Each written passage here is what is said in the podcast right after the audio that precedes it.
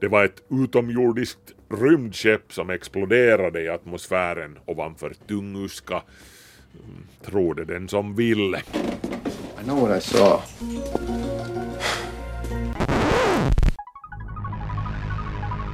Ten, nine, eight. Ignition sequence start.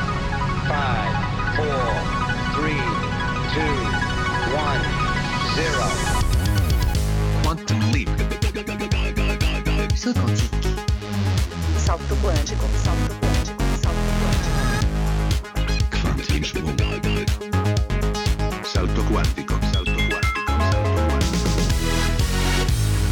Kvanthopp, det du inte visste att du ville veta.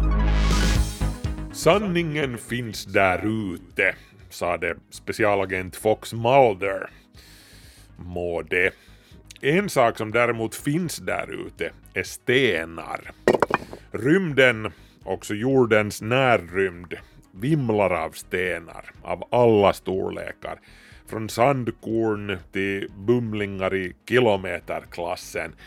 Eh, jag kommer ihåg hur jag hade en diskussion om det här med min mormor en gång för länge sedan. Eh, hur skulle det kunna finnas stenar där uppe? De skulle ju falla ner, sa mormor. Nå, det är ett faktum att det gör de också, då och då. Och då vill man inte bli under. Om det här ska Kvanthopp handla den här gången. Markus Rosenlund heter jag.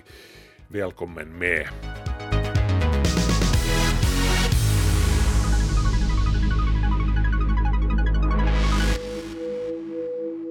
Om Bennu kommer till jorden, då har ingen roligt längre.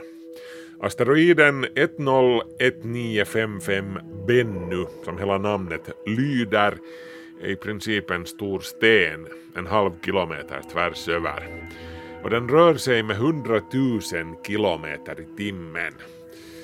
Bennu råkar dessutom höra till en av de så kallade jordnära asteroiderna som kan komma på kollisionskurs med oss i framtiden.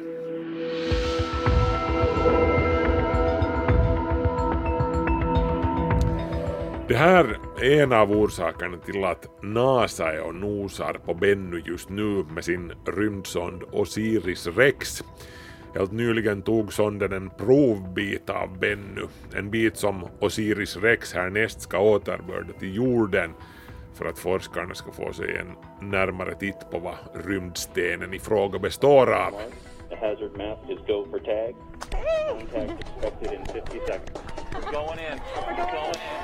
Asteroidernas destruktiva kraft är inget att leka med. Jorden bär många spår av de här kosmiska kollisionerna, till exempel Söderfjärdens krater nära Vasa.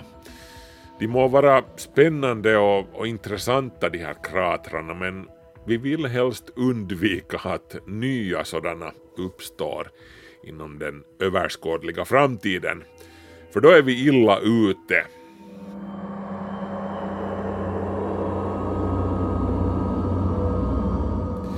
En av de allra största och mest dramatiska kollisionerna i jordens historia kan vi inte se spåren av nu längre, men spåret finns där, dolt under mexikanska golfen. Vi har varit inne på det här tidigare i Kvanthopp. Den jättelika asteroiden som slog ner och ändade dinosauriernas herravälde på jorden för 65 miljoner år sedan. Det finns förstås en hel massa grundforskning involverad i, i expeditioner som Osiris Rex resa till Bennu. Eh, forskarna är nyfikna på asteroiderna. De är ju trots allt en del av det ursprungliga byggnadsmaterialet som hela solsystemet, inklusive jorden och vi själva, bildades av för mer än 4,5 miljarder år sedan. Men där finns alltså också en liten gnutta oro bakom beslutet att skicka en rymdsond just till den här stenen. Forskarna menar ju nämligen att det bara är en fråga om tid innan vi drar en liknande nitlott som dinosaurierna gjorde för 65 miljoner år sedan. Och därför är det bra att hålla ett öga på potentiella hot, bara ifall att. Eh, det är faktiskt inte alls så länge sedan mänskligheten fick en liten försmak av vad en sån här skräll kunde innebära.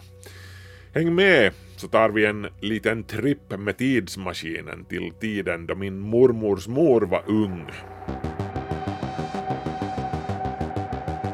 Den 30 juni 1908, strax efter klockan sju på morgonen, tänds en andra sol över ödemarken vid floden Tunguska i Sibirien. För en kort stund lyser den klarare än den riktiga solen. Området är extremt glest befolkat så värst många människoögon ser knappast explosionen. Vilket är tur, för det skulle i så fall vara det sista de ser. De betande renflockarna i området, oavsett om de hinner få en glimt av ljusblixten eller inte, har inte länge kvar att leva innan tryckvågen anländer och världen svartnar. Sekelgamla massiva sibiriska granar knäcks som tändstickor när tryckvågen och stormvindarna från explosionen drar fram. På mer än 2000 kvadratkilometers areal jämnas skogen med marken totalt. Mer än 80 miljoner träd faller. Chockvågen från explosionen färdas två varv runt jorden och registreras av seismiska mätstationer över hela Eurasien, bland annat i Potsdam i Tyskland.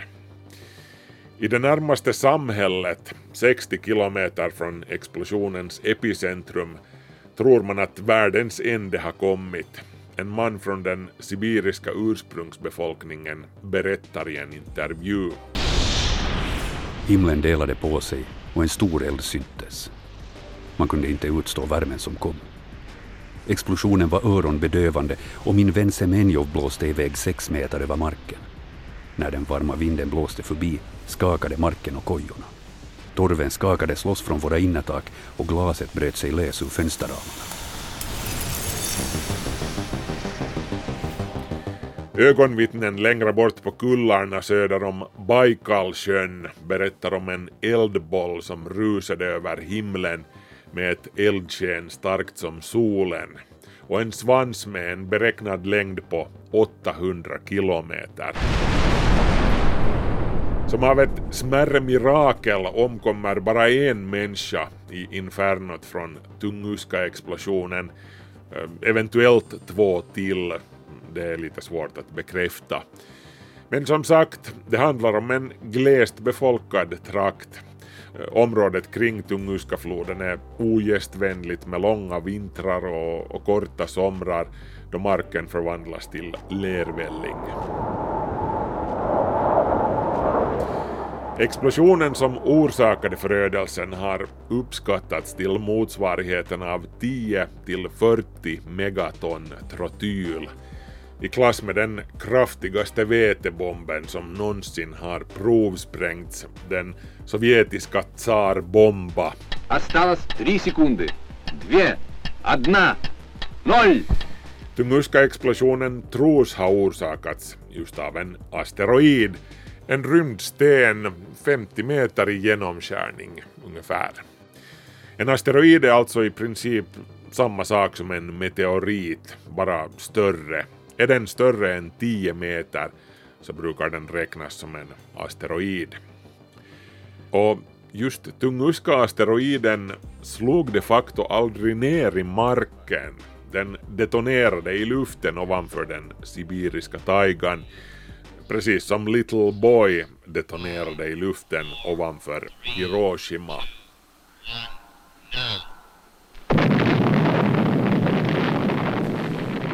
Av själva explosionen i Tunguska märktes inget direkt i Europa, men den fick mängder med stoft att röras upp i atmosfären. Stoftet spred sig och återspeglades av solljuset.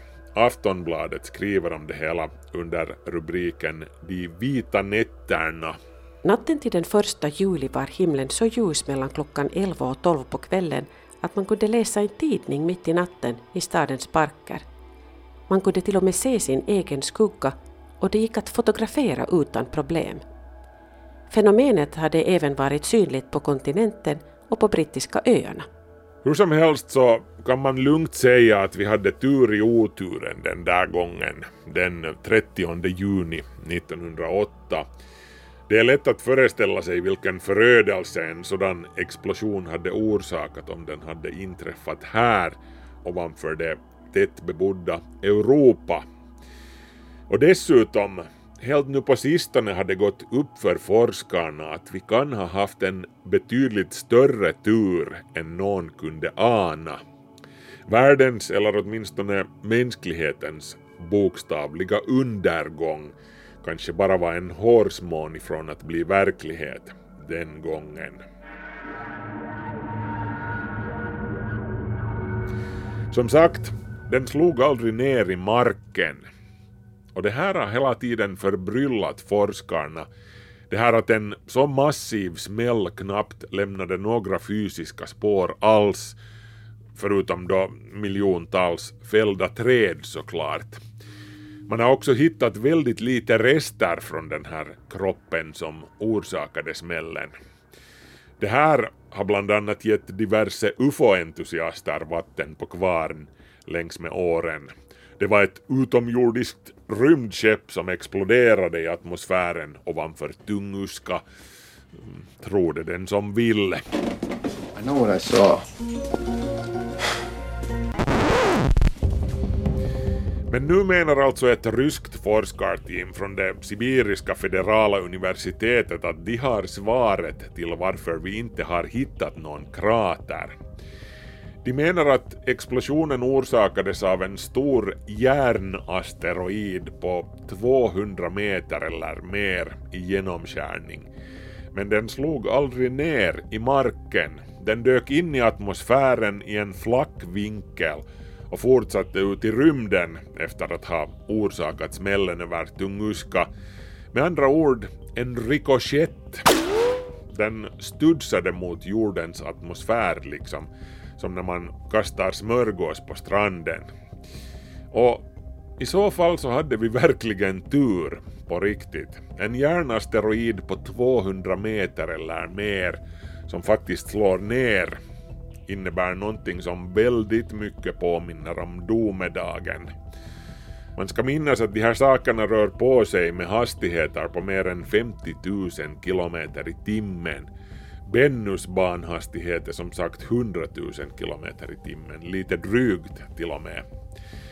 Tänk dig en solid klump av järn, stor som Olympiastadion, som kommer farande i 50 000 kilometer i timmen eller mer, mer eller mindre rakt uppifrån. Då smäller det.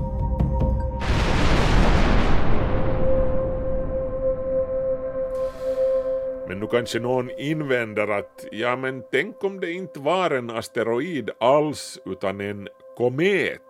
Nå, bra poäng i och för sig. Eh, de är två ganska olika saker. Asteroider och kometer, de skiljer sig alltså åt i ett nötskal som så här att en asteroid eller en meteorit är en sten och en komet är en stor klump med is och grus.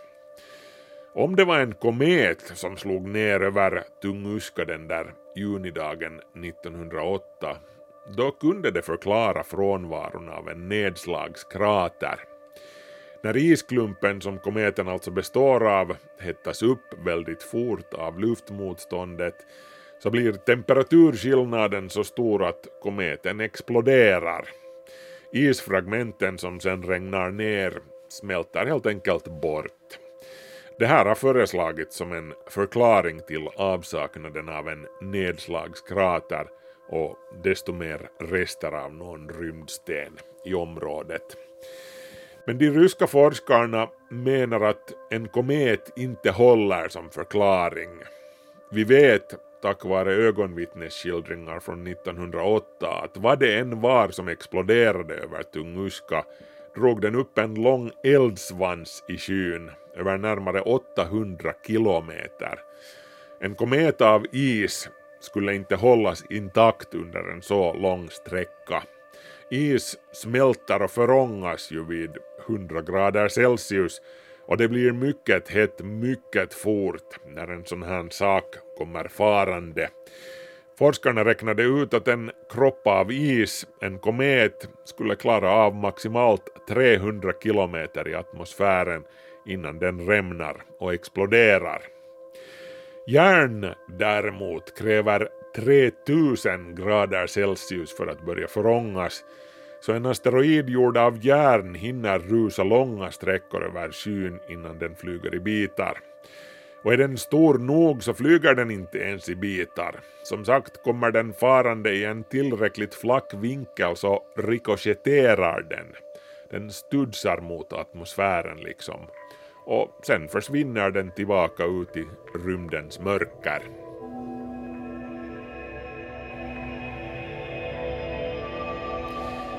I så fall var explosionen som plattade till skogen på mer än 2000 kvadratkilometer inte en explosion alls.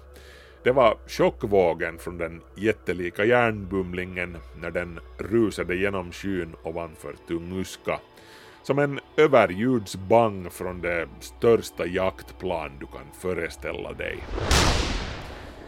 Den mindre mängd järn som oundvikligen då skulle ha förångats under asteroidens framfart genom atmosfären skulle ha dalat till marken som ett fint puder. Ett puder som på lite längre sikt är helt omöjligt att skilja från markens vanliga stoft. Det här kunde också förklara de rapporter om damm i den övre atmosfären tusentals kilometer längre bort ovanför Europa vid tiden för händelsen. Om det ryska forskarteamet har rätt med sin studie så var det mycket nära att 1900-talets historia hade sett väldigt annorlunda ut. Kanske hela mänsklighetens framtid. Om en asteroid av järn på 200 meter eller mer i genomskärning hade slagit ner i en brantare vinkel så att den hade gått ner i marken, då hade den slagit upp en krater tre kilometer tvärs över. Stoftet som hade kastats upp i atmosfären och de enorma bränderna som hade rasat över hela Sibirien hade orsakat en global och kraftig så kallad vulkanvinter. Eh, termen vulkanvinter kommer sig alltså av att samma sak sker i samband med riktigt stora vulkanutbrott. Eh, stoftet och askan som slungas upp ända till stratosfären skärmar av solljuset och får den globala medeltemperaturen att sjunka kraftigt. Och när någonting sånt händer, då får hela jordens biosfär stora problem. Kylan och det svagare solljuset försvårar tillväxten också för våra odlingsväxter. Svår hungersnöd bryter ut på många håll. Men vi hade kanske ännu kunnat hämta oss om ground zero i ett sånt här scenario hade varit Tunguska i Sibirien. Däremot om en sådan här järnbumling hade slagit ner mitt i Europa, inte bara en överljudsbang alltså utan ett skott mitt i hjärtat, då hade det inte varit mycket kvar av vår världsdel, så att säga.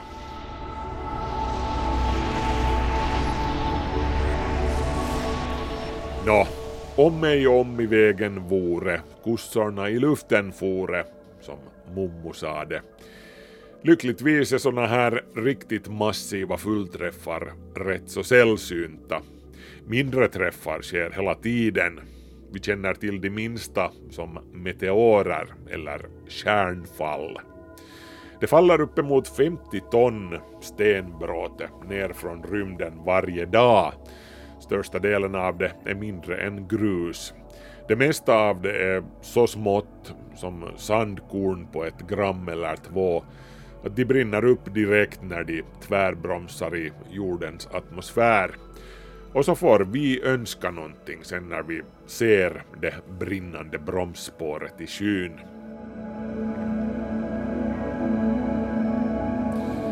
Det mesta av stenbrottet som flyger omkring här i solsystemet har sitt ursprung ute i det så kallade asteroidbältet.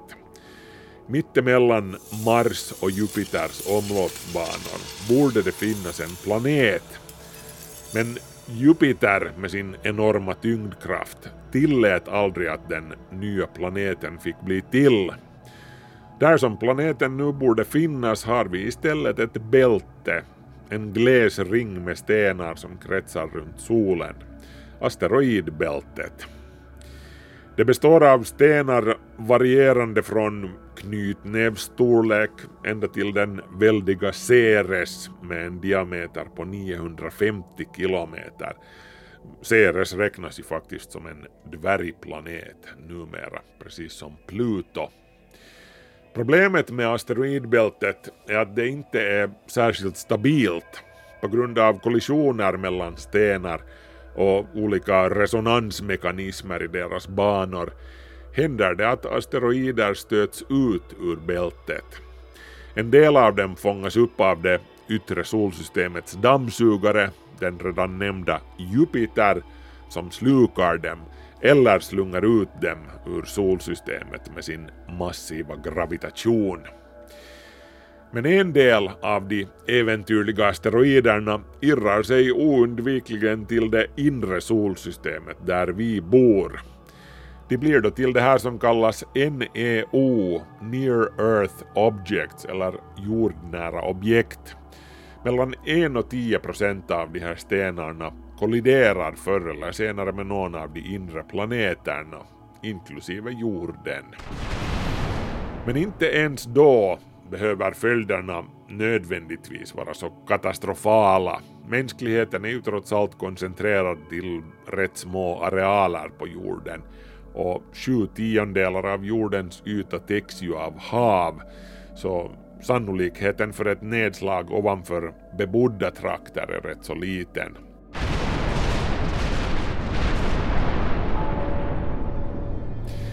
Men är stenen tillräckligt stor så spelar det inte så stor roll var den slår ner, om den får för sig att göra det. I den största, potentiellt mest destruktiva klassen av asteroider i vår närrymd känner vi till cirka tusen stycken. Det här är alltså bumlingar med förmåga att ta koll på livet på jorden rätt så grundligt. Chicxulub-asteroiden som utrotade dinosaurierna hör alltså till den här mördarklassens allra grövsta kaliber. Den var i stil med 15 kilometer i genomskärning. Forskarna tror att de känner till positionerna för ungefär 90 procent av de här bjässarna i kilometerklassen just nu, vilket är en rätt så hyfsad siffra faktiskt en fjäder i hatten till dem som har jobbat så hårt med att hitta dem. Vi vet dessutom lyckligtvis att ingen av dem, de här stora stenarna, just nu befinner sig på en bana som kan bli farlig för jorden. Men det här är alltså bara den största absoluta utrotningskaliberns asteroider som vi talar om här. Sen har vi en riktig svärm med mindre asteroider, kalla dem mellanmjölken i det här sammanhanget. Och det är här det blir riktigt intressant.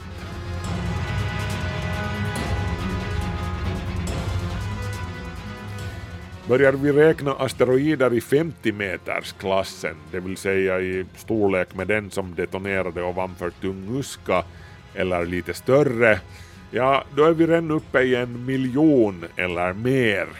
Och att hålla reda på alla dem är i praktiken omöjligt. De är så små och reflekterar så lite ljus att de är hopplösa att få syn på. Man ska ha en otrolig tur helt enkelt. Ofta upptäcks de inte förrän de har passerat oss. I juli i fjol flög till exempel en sten i 100-metersklassen förbi jorden på futtiga 70 000 kilometers avstånd. Det här är mycket närmare än månen som ligger närmare 400 000 kilometer från oss. En hårsmån i de här sammanhangen med andra ord.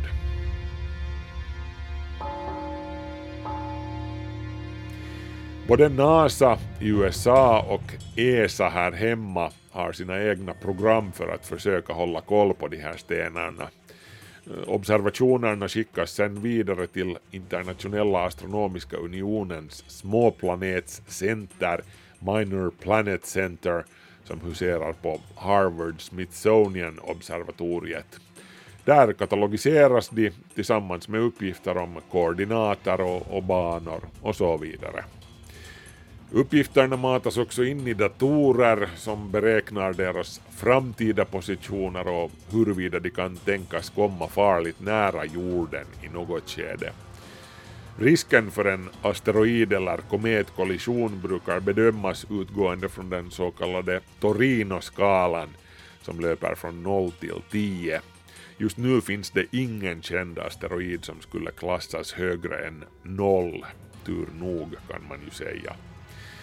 Nå men, säg nu att man får napp och hittar en asteroid som enligt beräkningarna kan komma att krocka med jorden om si och så många år. År 2004 blev det hallå i pressen kring asteroiden Apophis, en bjässe på cirka 270 meter. Enligt beräkningarna löpte Apophis en 2,7 procents risk att krocka med jorden år 2029. Apophis var då som mest en fyra på Torino-skalan. Det är högt faktiskt. Löpsedlarna de fick ju det hela att låta som om krocken mer eller mindre var oundviklig. So it's going to be a highly densely populated area. They estimate the deaths anywhere from literally tens of millions to billions. Men närmare beräkningar skar ner på sannolikheten och oddsen för en krock är just nu en på cirka 250 000. Apophis är en nolla på Torino-skalan igen. I och för sig, en på 250 000 är fortfarande bra mycket bättre odds än oddsen för att vinna sju rätt på Lotto. Men låt oss säga att vi kan leva med det. Med dagens superdatorer kan vi alltså med rätt stor precision förutsäga var en asteroid kommer att befinna sig flera årtionden in i framtiden förutsatt att vi känner till dess bana och hastighet. Och det enda vi egentligen i praktiken kan göra är att hålla tummarna för att ingen av dem slinkar in i det här som astronomerna kallar nyckelhål. Ett nyckelhål i astronomiska sammanhang är en liten, liten bit rymd på cirka 50 kilometer tvärs över. Ifall att en asteroid passerar genom just det här stället i rymden så kan jordens gravitation orsaka en resonans i asteroidens bana. Den här resonansen gör sen att asteroiden nästa gång passerar jorden lite närmare och gången därpå ännu närmare och så vidare ända tills den krockar. Genom att hålla ett öga på de här nyckelhålen kan astronomerna identifiera farliga asteroider långt innan de blir ett hot. Och då kan man förbereda sig och kanske vidta åtgärder. Om vi i tillräckligt god tid identifierar en farlig asteroid så kan vi till exempel skicka iväg en rymdsond som lägger sig i parallell bana med asteroiden. Och med sin lilla, lilla gravitation får den här rymdsonden sedan asteroiden att byta riktning en liten, liten aning. Men tillräckligt för att krocken kan avvärjas i framtiden. Det här är alltså vad vi kan göra om vi känner till asteroiden och dess bana i god tid innan den blir farlig. Alla de där stenarna som svischar förbi oss i natten och som vi upptäcker först då de har passerat. Och det finns gott om dem också alltså. Tja, no, då kan vi bara tacka vår goda tur om de passerar oss och inte kommer och hälsar på. Lite sådär som skedde den 15 februari 2013 till exempel då en 17 till 20 meter stor sten föll mot jorden och trängde in i atmosfären och exploderade ovanför den ryska staden Tjeljabinsk. Meteorit. Vad var det för något, ropar en man på amatörklippet inspelat i Tjeljabinsk. En meteorit, ett flygplan. Två ljuskäglor har just svept förbi på himlen och lämnat efter sig en lång vit svans, en explosion och en lukt av krut. Tusen personer skadades då av explosionen som var 20 till 30 gånger kraftigare än den atombomb som släpptes över Hiroshima. Vid tiden före explosionen ovanför Tjeljabinsk hade 10 000 objekt klassificerats som NEO, jordnära objekt. Sex år senare hade antalet fördubblats. En av de här NEO-asteroiderna är som sagt Bennu, som NASA alltså har potat på med sin rymdsond Osiris Rex. Bennu är uppkallad efter fågeln med samma namn från den egyptiska mytologin. Och beträffande just Bennu så kan det bli spännande i den någorlunda nära framtiden. Bennu befinner sig just nu på en elliptisk bana runt solen med en omloppstid på ett drygt år. Som närmast jorden ligger Bennus bana just nu i slutet av september.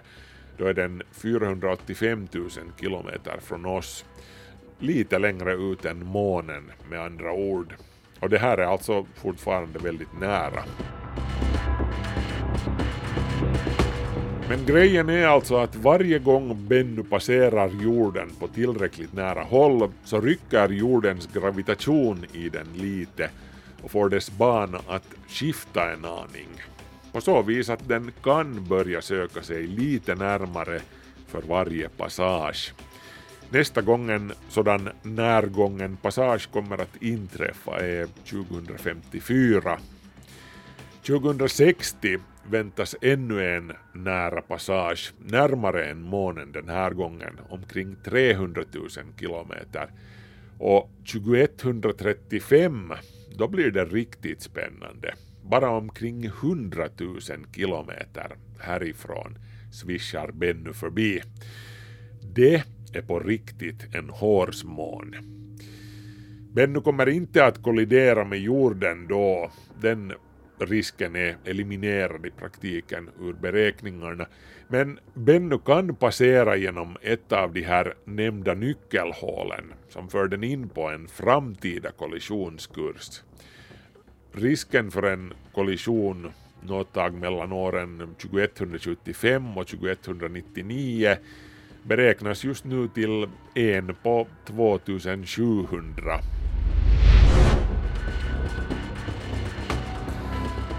Om olyckan skulle vara framme och, och Bennu skulle kollidera med jorden, då skulle kraften från smällen motsvara 1200 megaton trotyl.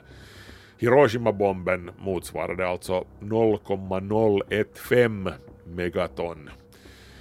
Det skulle vara en smäll av den kalibern som i genomsnitt inträffar en gång på 130 000 år. Men sannolikare är ändå att Bennu aldrig överhuvudtaget krockar med oss. Det är faktiskt mycket sannolikare. Venus löper faktiskt en mycket större risk än jorden att få Bennu i nacken. Men som sagt, Bennu är långt ifrån ensam om att lura där ute i mörkret. Så det kunde vara en god idé att bygga upp en lite bättre beredskap, eller ens någon sorts beredskap. Dinosaurierna skulle säkert hålla med om den saken.